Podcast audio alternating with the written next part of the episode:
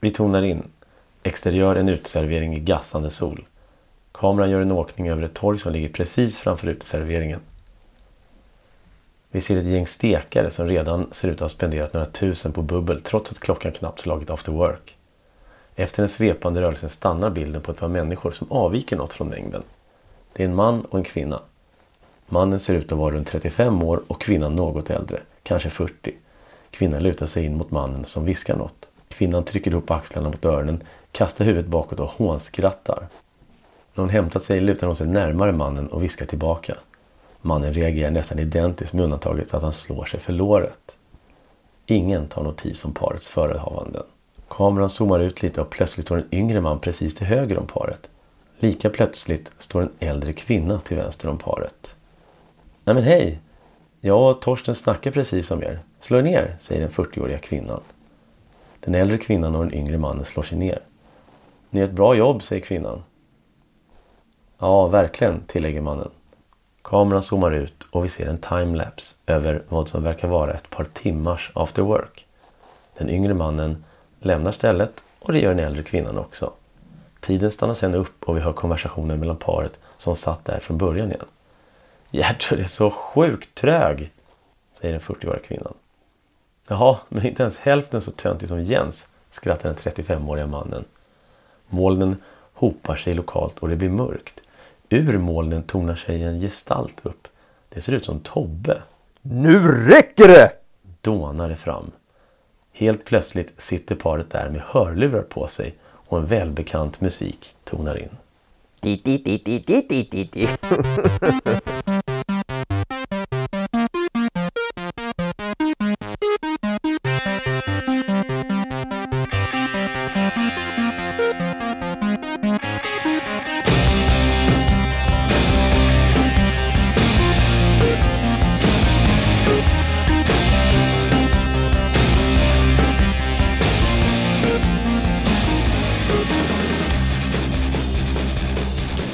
och välkommen till Väg 74, en podcast om mjukvaruutveckling.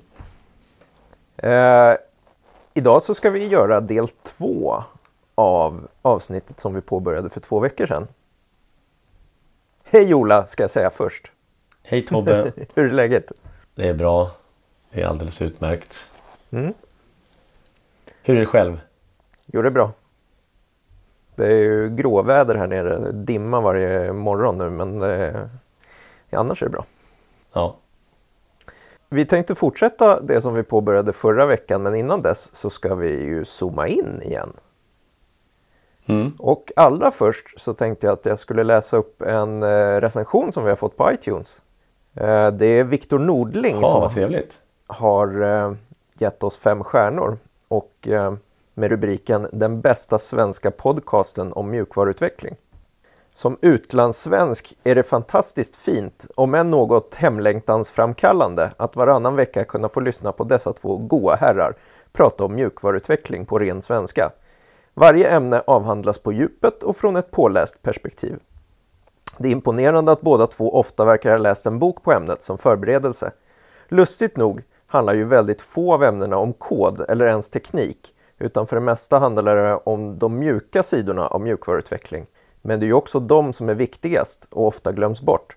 Rekommenderar denna podcast varmt till både programmerare och icke-programmerare. Oj, vilka fina ord. Mm. Det tackar vi så Tack så mycket mycket för. Viktor. Det är sånt här vi... som gör att eh, jag vill fortsätta i alla fall. Ja, samma här. Riktigt roligt. Ska vi ta och eh, zooma in då? Jag tänkte vi skulle snacka lite grann om driftansvar. Mm. Jag eh, vet inte hur jag snubblade över det, förmodligen på Twitter. Men det var verkligen blandade känslor för driftansvar. Och så tänkte jag att det kanske var något eh, kulturellt inom varje grupp eller varje lag som, som utvecklar programvara. Men det var också individuellt märkte jag. Mhm. Hur, ser, hur ser du på driftansvar? Vem tycker du ska ta, ta ansvar för kod som skrivs? Alltså det optimala är ju om teamet kan ta ansvar för sin, sin egen skit liksom. Mm. Uh, ofta ser det inte ut så. Ofta så är man ju lite vinklippt därför att man inte har till, full tillgång till alla driftsmiljöer och sånt där.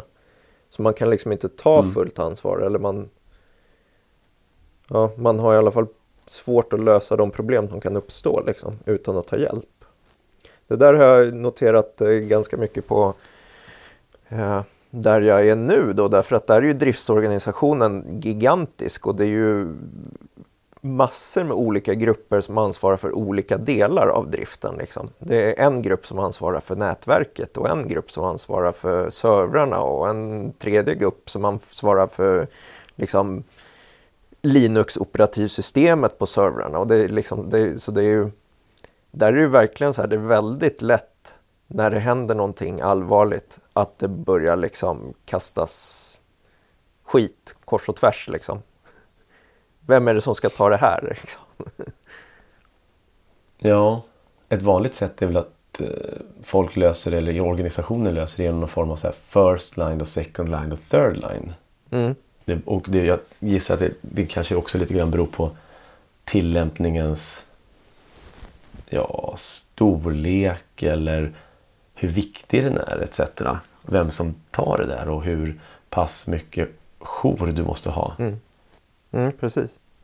Och det har ju vi, vi har ju så eh, att vi har ju inte 24-7 jour utan vi har bara jour under arbetstid. Liksom. Eller vi har bara support under arbetstid om man säger. Så att om det blir något fel mm. på våran produkt så kan vi i princip säga att nej men vi jobbar inte nu. Men det gör vi ju i regel mm. inte.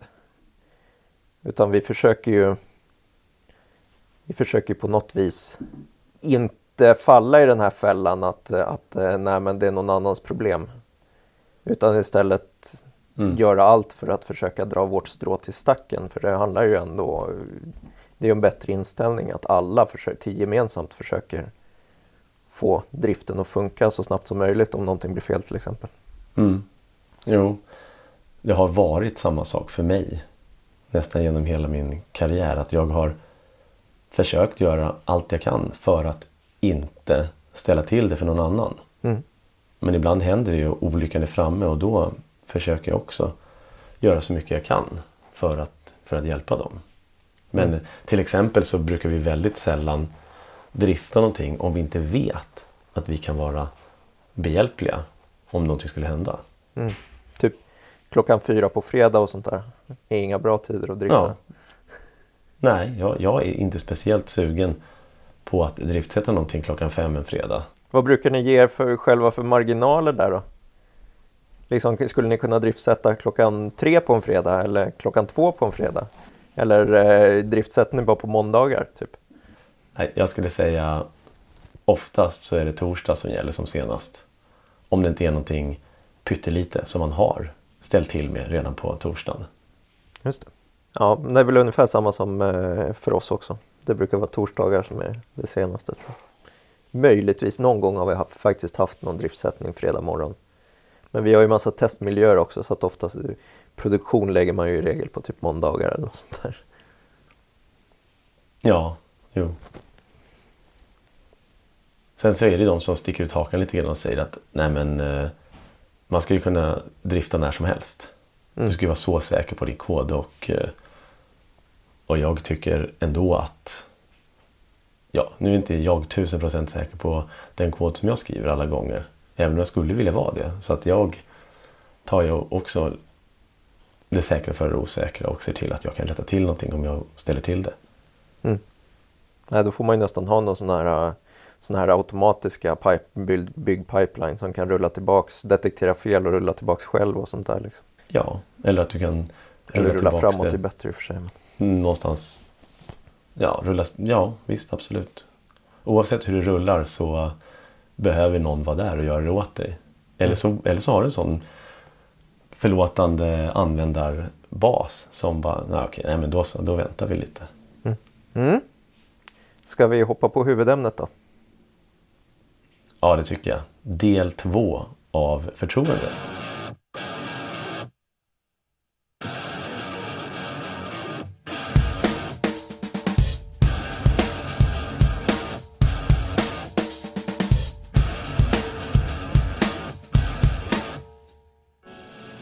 I avsnitt 1 pratade vi om de här fyra kärnpunkterna. Integritet, avsikt, förmåga och resultat.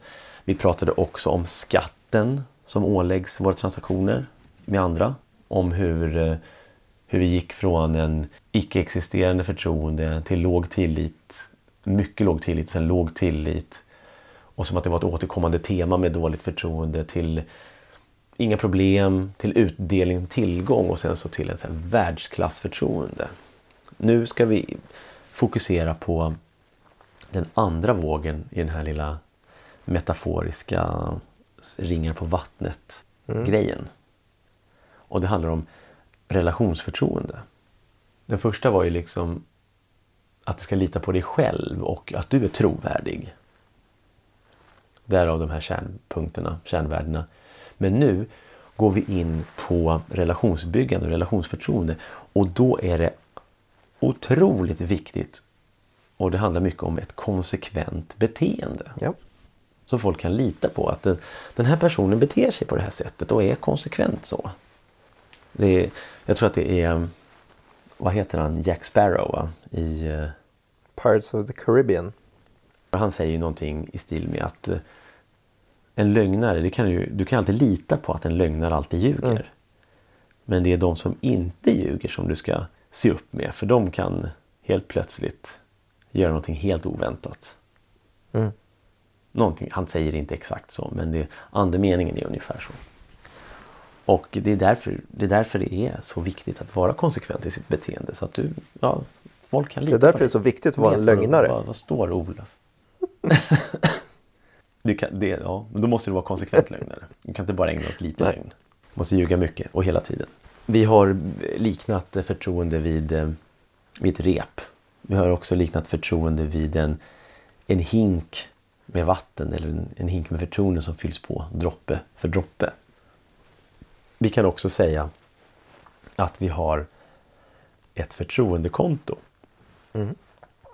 Eller ett som vi gör förtroendekapital. insättningar på. Ett förtroendekapital. Precis. Antingen har vi ett kapital eller så har vi, har vi inget kapital alls. Men då är det viktigt att veta att, att konton de är olika. De ser olika ut mellan personer. Ditt konto är inte mitt konto och mitt konto är inte ditt konto. De ser olika ut. Och insättningar och uttag är också olika. En insättning är inte alltid en insättning så att om jag, om jag gör någonting som jag anser vara en insättning så behöver inte det betyda att det är en insättning för dig. Nej. Om jag tycker så här, nej men nu, nu har jag gjort någonting jävligt schysst här till Tobbe. Och du bara, jaha, det där, det var ju det var ju ingen insättning. Ja, det var det, men det var, den var ju pytteliten. Nej, nej, nej, nu ska jag visa Ola hur man gör en insättning. Och så gör du någonting och det är bara så här. Flyger över huvudet på mig. Jaha. Oj, oj, oj, okej. Så att eh, du måste ju vara jäkligt... Eh, Jag bjuder dig på middag. Här, nu ska jag vara riktigt schysst och bjuda Ola på middag här. Och så serverar jag lamm fast du är vegetarian till exempel. Ja, absolut. Eller nu ska vi göra någonting riktigt kul. Och så går du och jag ut och bovlar. Mm. Och det visar sig att eh, din första tjej gjorde slut på en bowling. på en bowling genom att liksom först krossa dig i bowling och sen säga det är över Tobbe. Så varje gång du hör en kägla som faller så får du ångest. Och så känner jag, det där måste Tobbe ha tyckt var kul. Ja. Så att en insättning är inte alltid en insättning. Och en annan sak är att ett uttag från det här eh, kontot, tillitskontot, det är typiskt större än insättningar. Det kan vara gigantiska, det tar ut he- bränner hela kontot på en gång. Så att det bästa sättet att eh, öka kapitalet på det här kontot är att sluta, sluta göra uttag. Så du behöver ju veta vad, eh, vad som är ett uttag. Och sen så är det så att det är två konton också. Du har ditt konto och jag har mitt konto. Och jag håller reda på, jag håller reda på hur det ser ut på, på mitt konto och du ser på hur det ser ut på ditt konto. Det vore ju väldigt praktiskt om det hängde som en liten sån här, i vissa chattar så hänger en liten så här grej uppe ovanför huvudet. Eller när man spelar rolls, så här RPG i datorn, då har du så här en life meter ovanför huvudet.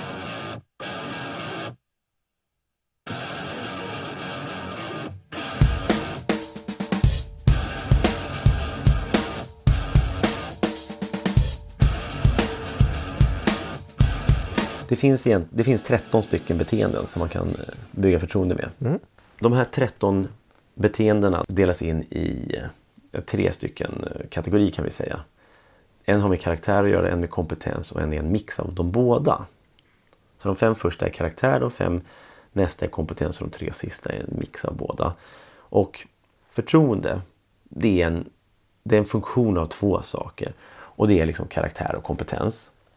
Och karaktären det handlar om integritet och motiv och avsikt. Det är alltså de här två första kärnvärdena. Mm. Och kompetens handlar om de två nästa, det vill säga förmågan och resultat.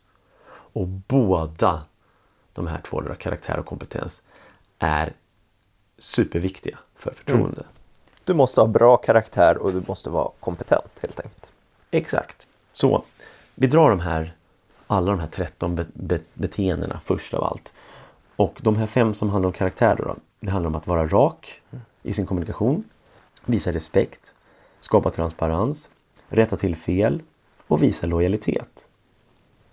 Kompetensen handlar om att leverera, bli bättre, konfrontera verkligheten, klargör förväntningar och ta ansvar. Och sen de tre sista som är en mix av de här båda då, då handlar om att lyssna först, håll vad du lovar och visa förtroende. Så vi tar den första här då. Var rak i din kommunikation. Men det handlar om att man vill eh, tala sanning och visa integritet egentligen. Ja, visst. Eh, du kan väl ställa sig frågan då så här. Varför skulle, varför skulle inte jag våga det här? Så varför, varför vågar jag inte göra det här? Varför vågar jag inte vara rak? Får det konsekvenser? Vågar jag inte ha fel? Saknar jag mod eller blir jag impopulär? Eller liksom försöker jag spinna den här till någon, till någon fördel för mig själv? Mm.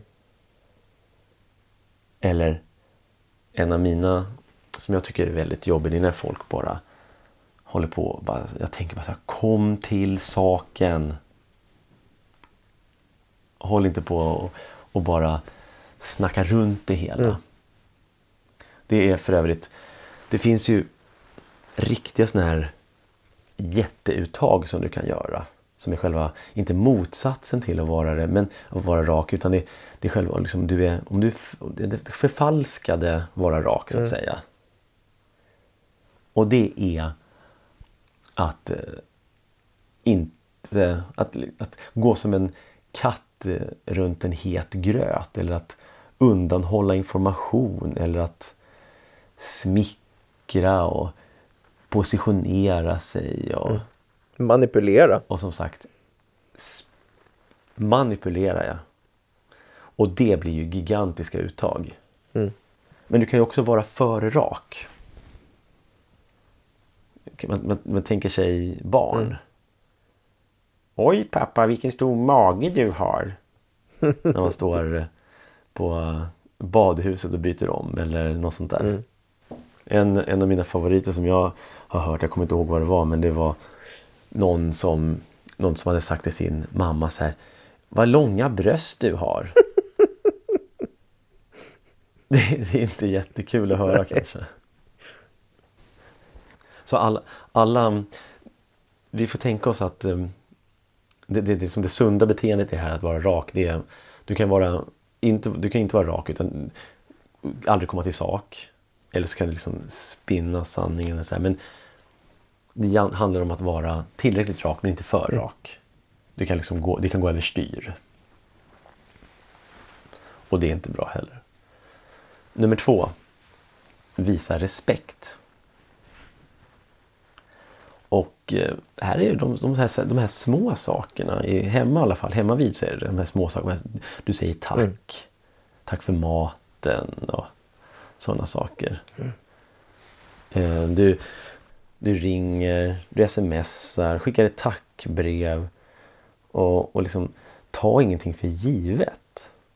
Ta inte personer för givet. Nej. Det är en sån typisk dålig grej. Och försök att minska glappet mellan, mellan dina handlingar och dina känslor. Ett sånt där bra tips som, eller bra tips, en enkel princip eh, som jag har är att om du har, får varma känslor för någon, inte för någon, men för, för, för någon som kommer på sig, åh men jag, fasken Tobbe han är alltid så jävla bra på det här. Skicka ett sms då på en gång eller ring och berätta det eller säg det på en gång. För jag uppskattar dig Tobbe jättemycket för att du ser till att uh, du har skrivit den här introt eller påminner mig om när jag ska skriva introt. Berätta det på en gång. Men om det är någonting så här som du tycker ja den här personens beteende är inte bra och du vill rätta till det. Sov på saken då innan du berättar för den personen med alla känslor du har om hur kass de är. Man brukar oftast få lite distans till saker och ting då. Mm. Det låter som en bra princip. Ja, jag tycker att man ska liksom, för att minska glappet mellan handling och känsla, då, då kan man för det tycker jag att, att alla, jag tror att alla mår bra av att göra det. Men, men tänk på liksom, är det, är det av liksom, har du varma känslor, gör det på en gång. Lite mer svalare känslor eller lite mer arga känslor, vänta med det. Om du vill göra ett jätteuttag i den här visa respekt-genren eller kategorin, då ska du bara visa respekt för de som kan påverka din framtid. Mm.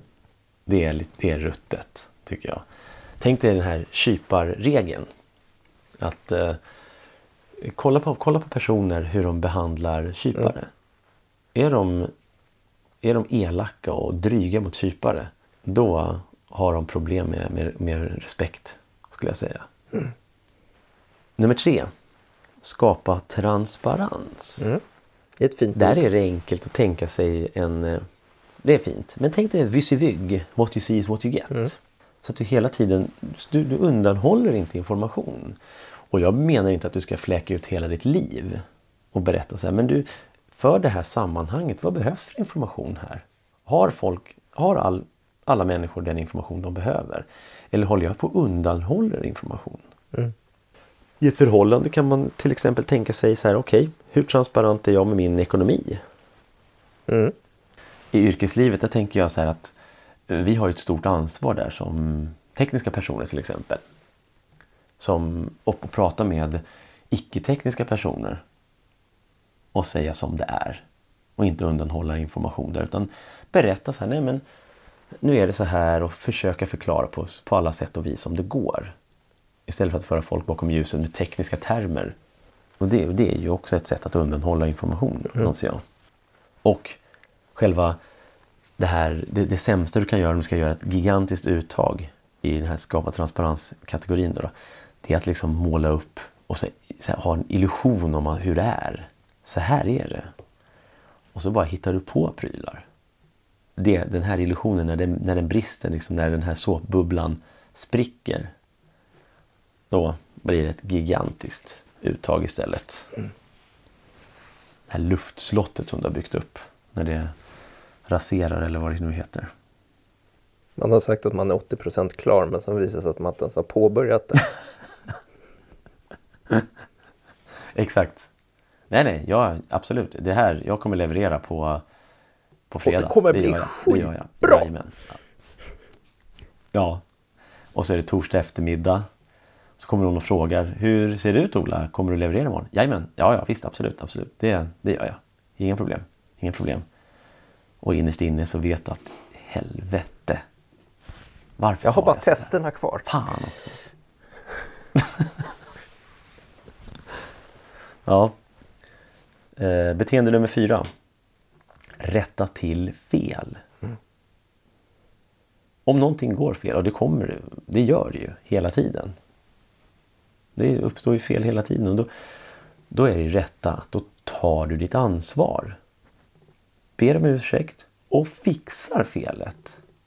Men om du behöver be om ursäkt ofta då kan du fundera på de här fyra kärnpunkterna. Då, då. Vad är det som brister här? Mm.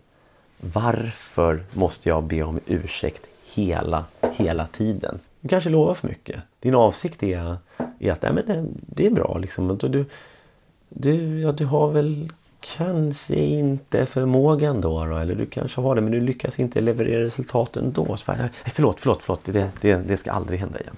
Det, oj, oj, oj. Nej, Eh, det, jag, jag, jag, ska, jag ska bli bättre, det ska jag.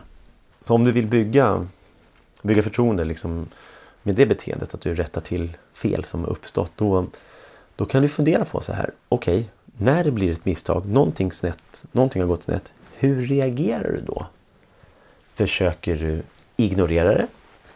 Eller försöker du rättfärdiga det? Nej, men det, det, det, var, det var... Hunden åt upp min kod.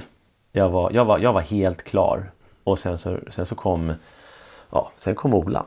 Och eh, jo men han, eh, han gjorde en git reset hard. Så att, tyvärr, annars hade jag varit klar. Eller försöker du mörka? Och då, då är vi inne på det här, det här jätteuttaget i den här kategorin. Att du ska rätta till fel om du mörkar fel. Mm. Eller täcker upp liksom. Eller nej, det, det, det, oh, nej, det, det, där, det, nej, det har inte hänt någonting. Nej, nej, nej, kan inte förstå. Vad märkligt. Oj, oj, oj. Varför har du Så tagit bort 15 enhetstester här? nej, det, det, den var borta när jag kom. Det var, det, var, det var ingenting som jag är inblandad i. Om du vill göra det lätt för andra då, då så ska du göra det ska du vara snabb och förlåta. Då blir det lätt för andra att, att liksom be om ursäkt. Men det är inga problem. Det där, det där, sånt där händer. Sånt kan hända de bästa. Nu går vi vidare. Och den femte och sista karaktärsorienterade beteendet.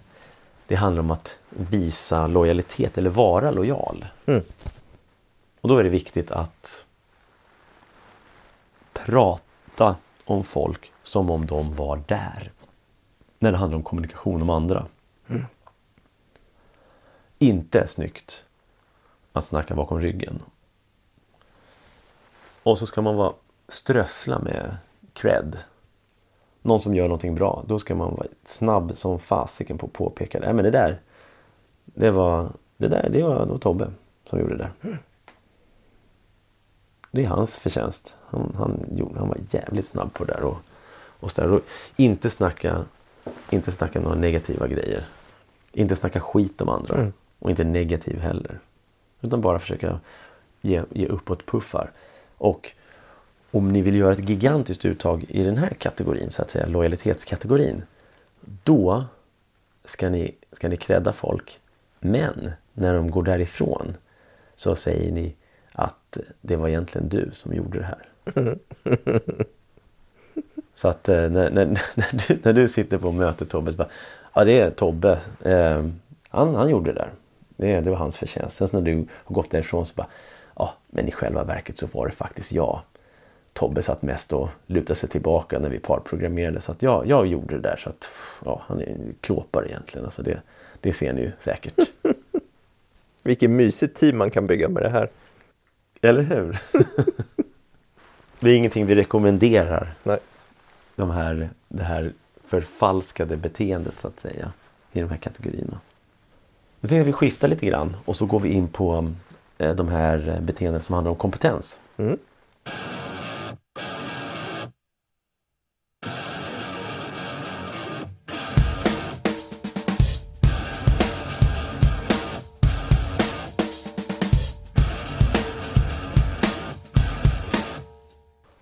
Och då handlar det om att leverera. Så lätt att säga, så svårt att göra. Verkligen, att lova någonting. Så här, men det där, ska vi, det kommer vara klart. Och eh, ja, det får ni nu och då. Men om du ska leverera någonting då måste det vara jäkligt tydligt vad det är du ska leverera. Förstå förväntningarna. Annars kommer du inte... Annars kommer du inte om, om du levererar någonting som du trodde att du skulle leverera och sen så är det någonting då, som någon inte ville ha. Då är det ju den här med insättningen igen. Men det där var ju ingen större insättning. Då bygger du inte förtroende. Nej. Utan du måste förstå förväntningarna och sen så måste du veta om det är realistiskt också. Annars ska du absolut inte lova det där. Och när man har börjat leverera lite grann då kan man fortsätta leverera och leverera och leverera och fortsätta göra det som du är där för att göra. Om du är, en, om du är anställd så ska du ju så vet du förmodligen vad som förväntas av dig och då är det du gör dag efter dag efter dag. Då bygger du förtroende. Vad tror du Tobbe? Om du vill göra ett gigantiskt uttag egentligen i den här kategorin, vad ska du göra då? Då ska man väl eh, leverera fel saker. Exempelvis. Ja, det är nog inte så illa faktiskt. Det är faktiskt mycket värre att bara se upptagen ut. Mm. Och bara låtsas göra saker och ägna sig åt bara aktiviteter. Gå runt och se, ja, nej men jag jobbar hårt på det här men det blir aldrig mm. någonting. Det är mycket skrik och lite ull. Mm. Mm. Sen har vi eh, beteende nummer två i kompetenskategorin. Bli bättre. Mm. Den är intressant. Det är liksom en del av, av agile skulle jag säga. Ett kon kontinuerligt förbätt lärande. Kontinuerliga förbättringar. Det är också väldigt lätt att säga och svårt att göra. Och hela tiden försöka vara så här, den som lär sig och lär sig och lär sig. Ett sätt som, som man kan göra det här på det är att prata med sina kollegor och säga så här, ja, nej, men okej, okay, om ni tittar på mitt beteende, vad tycker ni att jag ska fortsätta göra? Vad tycker ni att jag ska sluta göra? Och vad tycker ni att jag ska börja göra?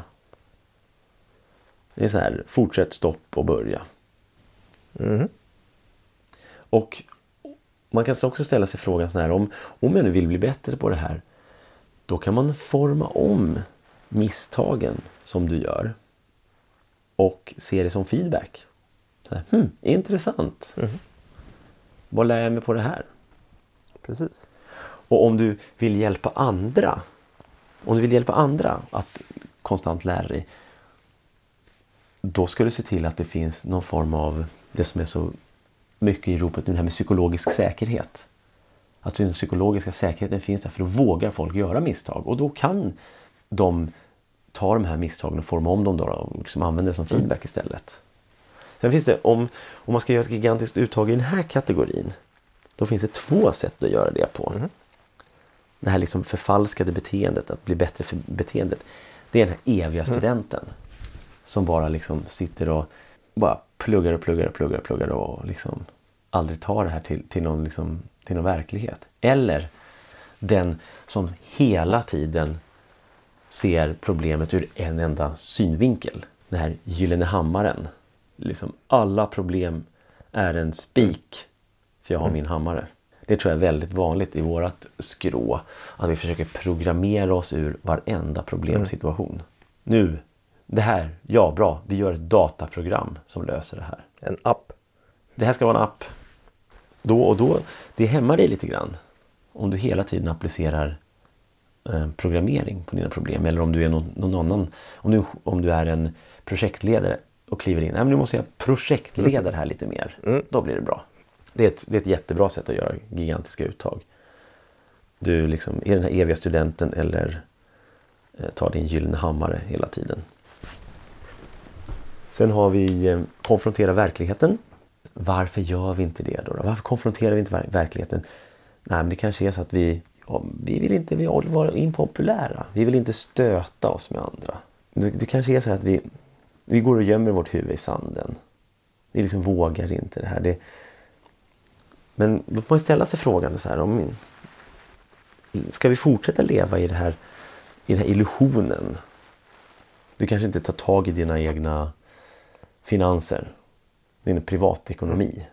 Utan du bara går och smäller pengarna på praliner och videofilmer. Och struntar i att betala räkningarna. Viktiga vattenräkningen.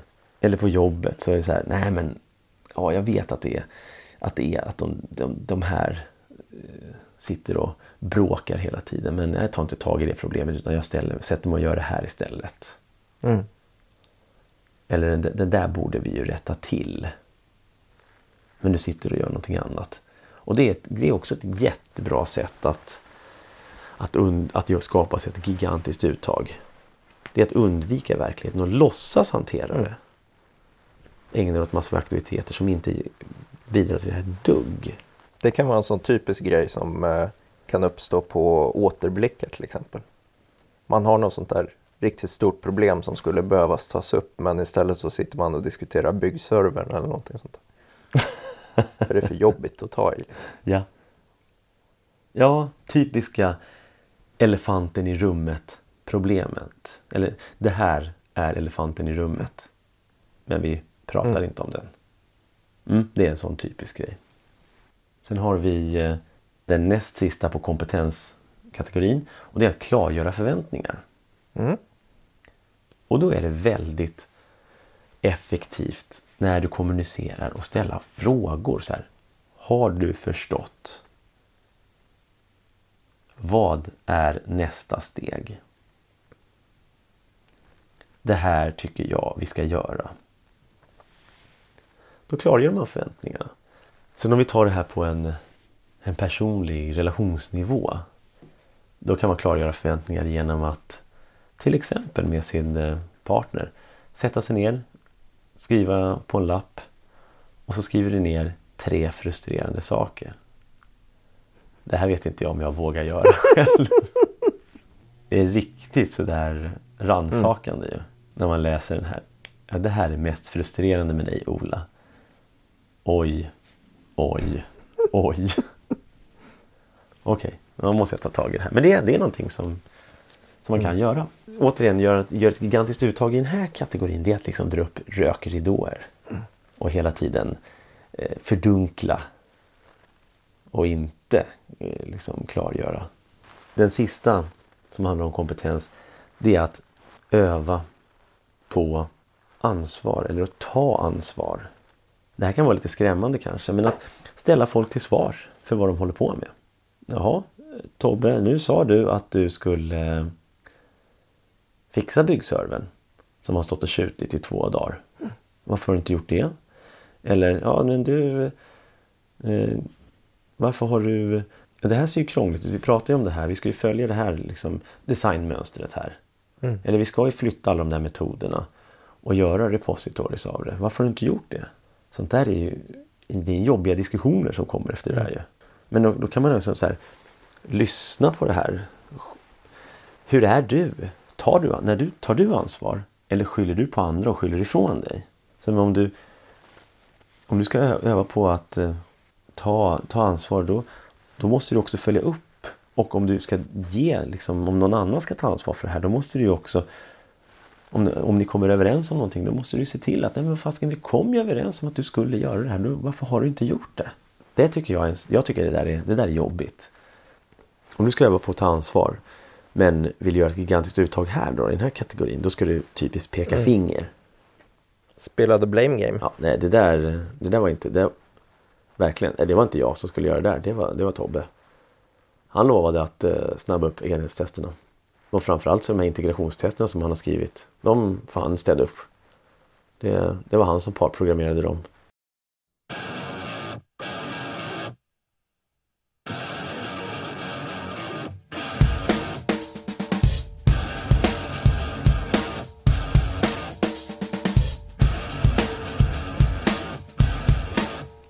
Vi tre kvar.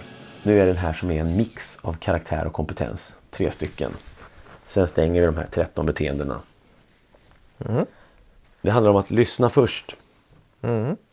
Um, och då när vi sitter ner, pratar med folk, då lyssnar vi först. Vi lyssnar verkligen med så här hela kroppen. Vi lyssnar med öron, vi lyssnar med ögonen. Vi tar in hur ser folk ut och vi lyssnar med hjärtat. Vi försöker känna in vad folk vill.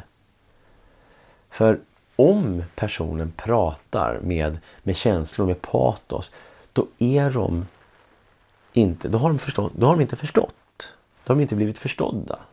Utan de, de känner någonting som, jag, jag fattar inte vad du menar. Då har de inte förstått. Och om folk inte har förstått, då kommer de inte att be om råd heller.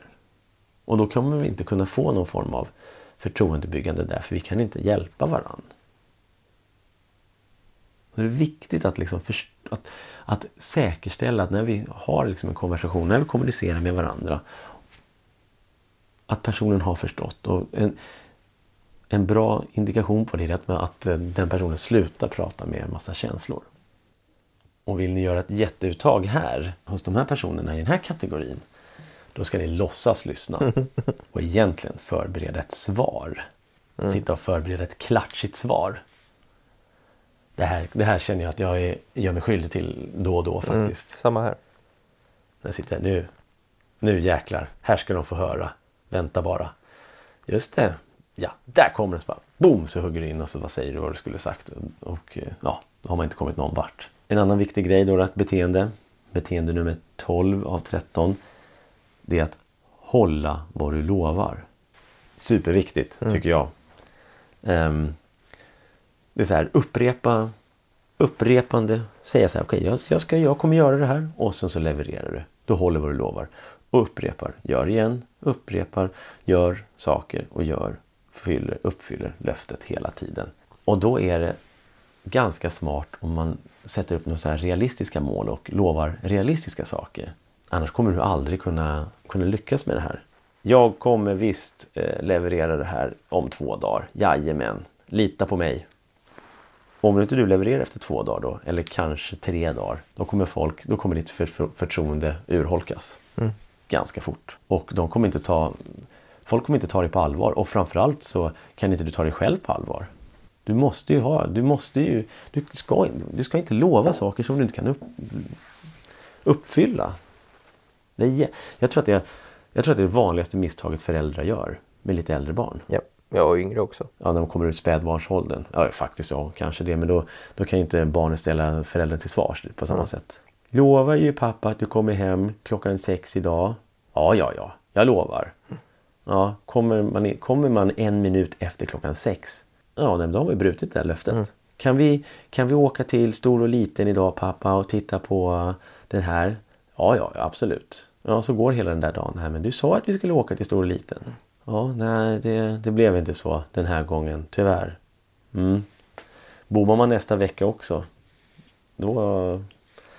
Det, det, det bästa du kan göra för att göra ett gigantiskt uttag i den här kategorin då, det är att, att hålla liksom så lite vaga löften och lite undflyende löften. Jo, oh, men det absolut, det där kan vi göra. Jajamän. Och sen så bara, nej, ja men det var inte det jag menade. Det är alltså, nej, det, det, det, nej, det där skulle, det där lovade, det där sa jag Jag sa aldrig. någon dag. Jag sa vi skulle åka till Stor och Liten någon dag. mm. Den sista här då. Visa förtroende. Det vill säga att liksom, du bygger ut, bygger förtroendet vidare. Mm. Om du, du, kan, du kan ställa dig frågan så här, hur det här är ju väldigt eh, närvarande mellan relationen mellan, mellan föräldrar och barn. Där du typiskt eh, bygger förtroende genom att, att du, du, visar förtroende genom att ah, nej men okej, okay, eh, ah, det verkar som att du är redo för det här nu. Till exempel det här med hemnyckel. Mm. Ja, men vi, jag och mamma tycker nu att eh, nu är du tillräckligt stor för att ha hemnyckel. Du kommer kunna gå hem själv från skolan. Eller på jobbet. Nej men eh, ja, du tycker du kan ta, ta ansvar för, det här, för den här leveransen själv. Eh, du kan få, du kan få anordna en eh, meetup här på kontoret. Där är det ganska bra att fundera på så här hur Fundera på, på en skala 1 till 10 så här, hur bra är du? Hur bra är du på att eh, lita på andra och visa förtroende? Är du bra på det eller kommer, kliver du in och mikrostyr? Mm. Och det är väl typiskt så du gör ett stort uttag också. ja. Du ger förtroende men sen så får de inte, får de inte vad heter det, behörighet. Eller vad heter det? Inga befogenheter. Mm, precis. Det är, det är riktigt, det är också, ja precis, det är ju det jättestora uttaget. Så här. Du får göra precis som nej, du vill. Nej, nej, nej. Eh. Du får göra precis som du vill. Men du får inte beställa pizza därifrån. De, eh, det är för dyrt. Och liksom, du, så här, du drar undan befogenheter och resurser, liksom, rycker den här mattan som folk mm. står på. Så då, då, får du ställa dig frågan, så här, hur bra är du egentligen på att om du, om du gör sådär, då skulle jag säga att du är ganska dålig på att visa förtroende. Det är kanske en etta då. då. Medan tio, ja nej, men du vet här, precis när det är, tajmingen är rätt. Den här personen eller den, eller den här, i den här relationen så är det så här. Bam, perfekt, de växte och liksom av det här. Och liksom visar sig, men jag kan, ta, jag, kan, jag kan ta nästa vecka och göra den här också och den där och den där och den där. Så det är ganska bra att ställa sig den frågan så här från gång till annan. Hitta den här sweet spoten.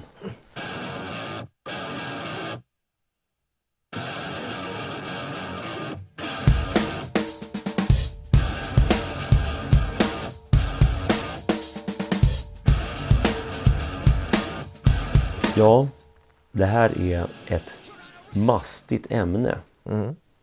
Verkligen. Vi har eh, skrapat lite vi har skrapat lite på ytan kan vi säga. Mm.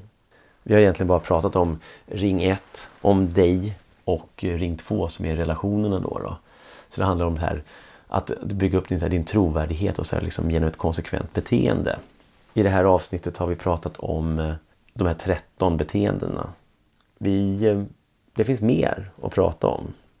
Men det kommer vi inte göra just nu. Vi kanske återkommer till det här hur, hur vi bygger förtroende lite mer eh, som organisation.